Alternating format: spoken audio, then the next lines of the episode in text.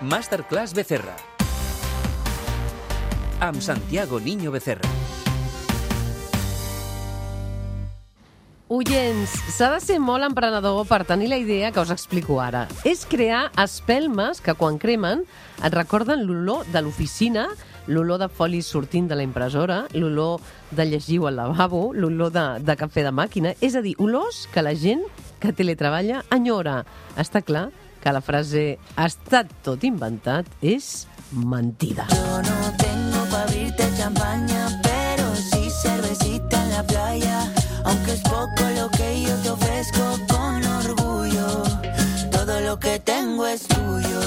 Santiago Niño Becerra, bona nit. Què tal? Bona nit, bona nit, Xantal. Bona nit. Et posaràs aquestes espelmes a casa que tenen aquesta olor d'oficina, de folis, a tu no et cal, això, no, eh? en absolut. En absolut.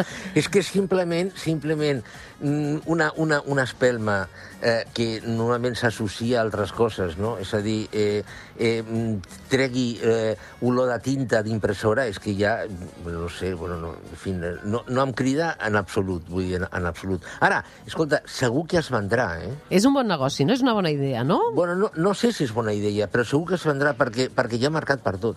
Clar. És a dir, hi ha, hi ha mer... segur que es vendrà. Molt bé. Seguríssim. Doncs ja ho sabeu, si voleu aquestes espelmes especials amb olor a feina, ja les tenim disponibles. Entrem en matèria, Santiago, eh, la renda bàsica alemanya. Santiago, una notícia que m'ha impactat, no? La renda bàsica de la que sovint en parles i defenses aquí el programa Mm. serà realitat a Alemanya eh, en forma d'experiment. 122 persones rebran 1.200 euros al mes fins l'any 2024. Són gent que ja té feina i sou, per tant, quin és el sentit que rebin aquests ingressos extras? Explica-m'ho. Bueno, a veure, aquí hi ha, aquí hi ha dos temes diferents. Pri primer eh, de tot és que, mm, com tu has dit, és un experiment. Eh, es va fer una a Finlàndia eh, que es va, es va aturar per, bueno, per, perquè no va, no va funcionar el, el sistema de, de l'experiment en si. I s'han fet altres tests. Eh, però jo crec que tot això, mm, amb tot això s'està recollint informació mm, per mm, d'aquí a, penso que molt poc temps, impl impl implementar una renda bàsica. Mm, Per què eh, donar una renda bàsica a persones que ja tenen feina? Altres no tenen, eh? sí, però per què altres eh, a, a persones que tenen feina? Precisament per veure què fan amb aquest increment de renta. Eh, si mm, eh, l'estalvien, el consumeixen, eh, això els hi dona un, una empenta per canviar de feina, eh, els hi dona un, una seguretat. Eh, jo crec que està molt bé aquest experiment, però mm, si, si alguna persona que ens està sentint ara vol eh, fer la traducció a Espanya, ojo. A veure, mm, amb, amb, Clar, perquè compte- això va més enllà eh, de la renta pels que no treballen. Són diners extras, per exemple, per incentivar el consum? Podria ser també Bueno, aquesta idea, clar. per, per al que sigui, és, és a dir, per, per al que sigui, és a dir, cadascú, és a dir, cadascú farà amb aquests, amb aquests diners el que, que cregui convenient. Jo est- estic convençut que hi haurà gent que s'estalviarà al 100%, eh, però segur. Jo, jo, de tota manera, sota el meu punt de vista, eh, 122 persones, tenint en compte la població alemana, que és quasi bé 70 milions de persones, molt poc. penso, penso que és poc, eh? És a dir, de Clar. tota manera, vull dir... mm, Petit la- experiment. Sí, però mm, vull dir, jo, jo crec que eh, una mostra, quan més nombrosa siga, se, eh, sigui millor, no? És a dir, eh, bueno, no, no ho sé. Clar. De, de tota manera, el que, el que volia comentar-te és que aquest 1.200 euros, si els traslladessin eh, a Espanya segons l'equivalent de PIB per càpita, serien 910 euros. Uh -huh. Eh, eh, I a tu dir- creus que, que la renda bàsica serà una realitat al nostre país més tard que d'hora? Tu sempre dius que sí. Seguríssim. Però no, no a Espanya. A veure, aquest és un invent... I quina eh, quantitat posaries? Aquesta que deies? No, no, no, a veure, no sé, és que eh, jo, jo crec que això s'ha d'estudiar molt i, i per altra banda també s'ha d'estudiar mm, el, el lloc o mm, l'import segons el lloc, és a dir, mm, no, no és el mateix Suposem que mm, eh, per Espanya s'agafen 910 euros per fer-ho homogeni. No és el mateix 910 euros a Sant Sebastià que 900, no, 910 euros a Jaén. És a dir, el poder adquisitiu de 910 euros a Jaén és Clar. molt més gran que a Sant Sebastià. És a dir, jo crec que es tindria de fer una, una renda bàsica adaptada al lloc i al poder adquisitiu del lloc. Parlant d'Alemanya, no és igual 1.200 euros a Stuttgart que a 1.200 euros amb una població amb la frontera de Polònia. Uh -huh. I mentre eh, parlem d'això, a molta població potser se li ha de pagar una renda bàsica per sobreviure i els diners queden mm, en poques mans, perquè sabem que el 28% del PIB mundial està en mans de 50 empreses. Et sembla bé, malament, inevitable que s'hagi de corregir, que et sembla la dada, eh? 28% del PIB en mans de 50 empreses. A veure, jo Tremendo. crec, que és, jo crec que és inevitable, Chantal. Eh, És a dir, mm, a, a veure, el, el, el capitalisme, el sistema capitalista, eh, tendeix a l'oligopoli i a la concentració i també tendeix a la desigualtat.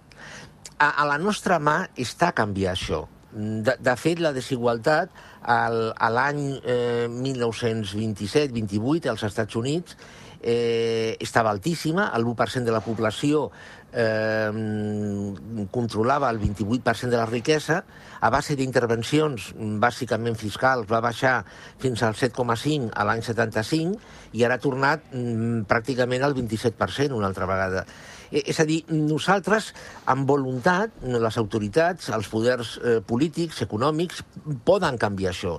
El que passa és que ara ja es- estem en una dinàmica que eh, la concentració i la desigualtat va més per la pròpia dinàmica de la tecnologia. És a dir, cada vegada es necessita més capital, es necessita més tecnologia, es necessita més capital, és a dir, és un cercle que es va realimentant i, evidentment, això tendeix a concentrar-se. No? Però aquesta concentració em preocupa, perquè 28% del PIB mundial està en mans de 50 empreses. Fa 30 anys, eh, les primeres 50 empreses acumulaven només el 5% del Clar. PIB. Per això va en creixement. I, com deies tu, eh, d'aquestes 50 primeres empreses, moltes tecnològiques. Això Clar. també és preocupant, perquè després parlarem de que no paguen impostos. Ah, escolta, clar, a mi no em quadra tot això, eh? mm, bueno, eh, per això la renda bàsica és imprescindible.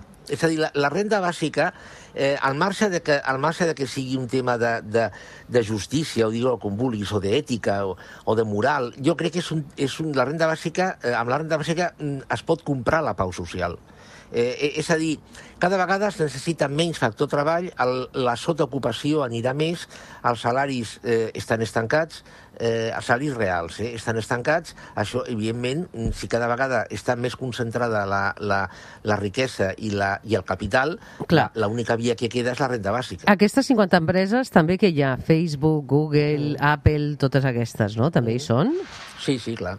És a dir, per, per fer-ho per fer més concret, eh, la facturació de mm, les 10 principals empreses del món a l'any 2019 va sortir, eh, era una xifra que era més gran que el producte interior brut del Regne Unit. Clar, Perquè escolta, les tecnològiques no paguen impostos. El que no pot ser és que aquestes empreses gegants que dominen la nostra vida no paguin impostos i fa poc sabíem que una filial de Microsoft no va pagar ni un euro en impostos quan va tenir un benefici, atenció, de 260.000 milions de dòlars. Per què pot Bueno, passar això? I com s'ha de corregir, Santiago? Bueno, a, a veure, Chantal, eh, això no és una maldició bíblica, és a dir, eh, això passa perquè mm, nosaltres volem que passi. Eh, eh, és a dir... Sí, però s'ha de eh, corregir això de que no paguin Bueno, impostos als a- a gegants, veure, a- sí, a gegants veure, tecnològics veure, del món. Clar. Sí, però a veure, a veure, a veure, és a dir, a veure, per exemple, els paraïsos fiscals. Els paraïsos fiscals, que ara ens semblen tan terribles, va ser, van ser inventats a la dècada dels anys 50 i durant 40 anys ningú, o 50, ningú ha parlat dels paraïsos fiscals. És a dir, mm, això passa, això que, a l'exemple aquest que has posat, concretament, passa perquè mm, hi ha un país que es diu Irlanda, eh, que té una, un, una, un impost sobre, sobre beneficis de societats del 12,5%, a l'any 84 el tenia del 10%, perquè la Unió Europea li va tolerar.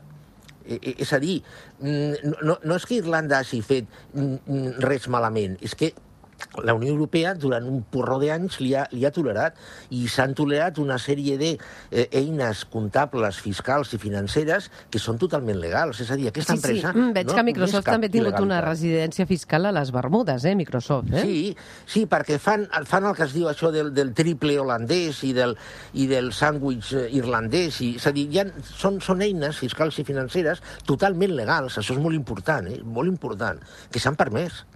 Eh, és a dir, vo- volem que això... Bueno, quan dic volem, sembla que tu i jo podem fer alguna cosa, no? Clar. I tu i jo no podem fer res, però bueno, és, és a dir... Mm, Per acabar, amb una frase, qui ho hauria d'arreglar? És a dir, els impostos de les tecnològiques, qui ho ha de solventar? Bueno, tu i jo no, qui? Això s'ha de solventar Qui? la OCDE, eh, tots els, els països que estan a la OCDE i prendre un, la decisió de- d'arreglar-ho, això. Clar. Molt bé, com sempre, aprenent més, avui també parlant d'aquestes grans empreses, de les tecnològiques, amb Santiago Niño Becerra. Se'n passa molt ràpid l'estona amb tu, ja ho saps, Santiago. Sí, Se'n fa curta. Eh?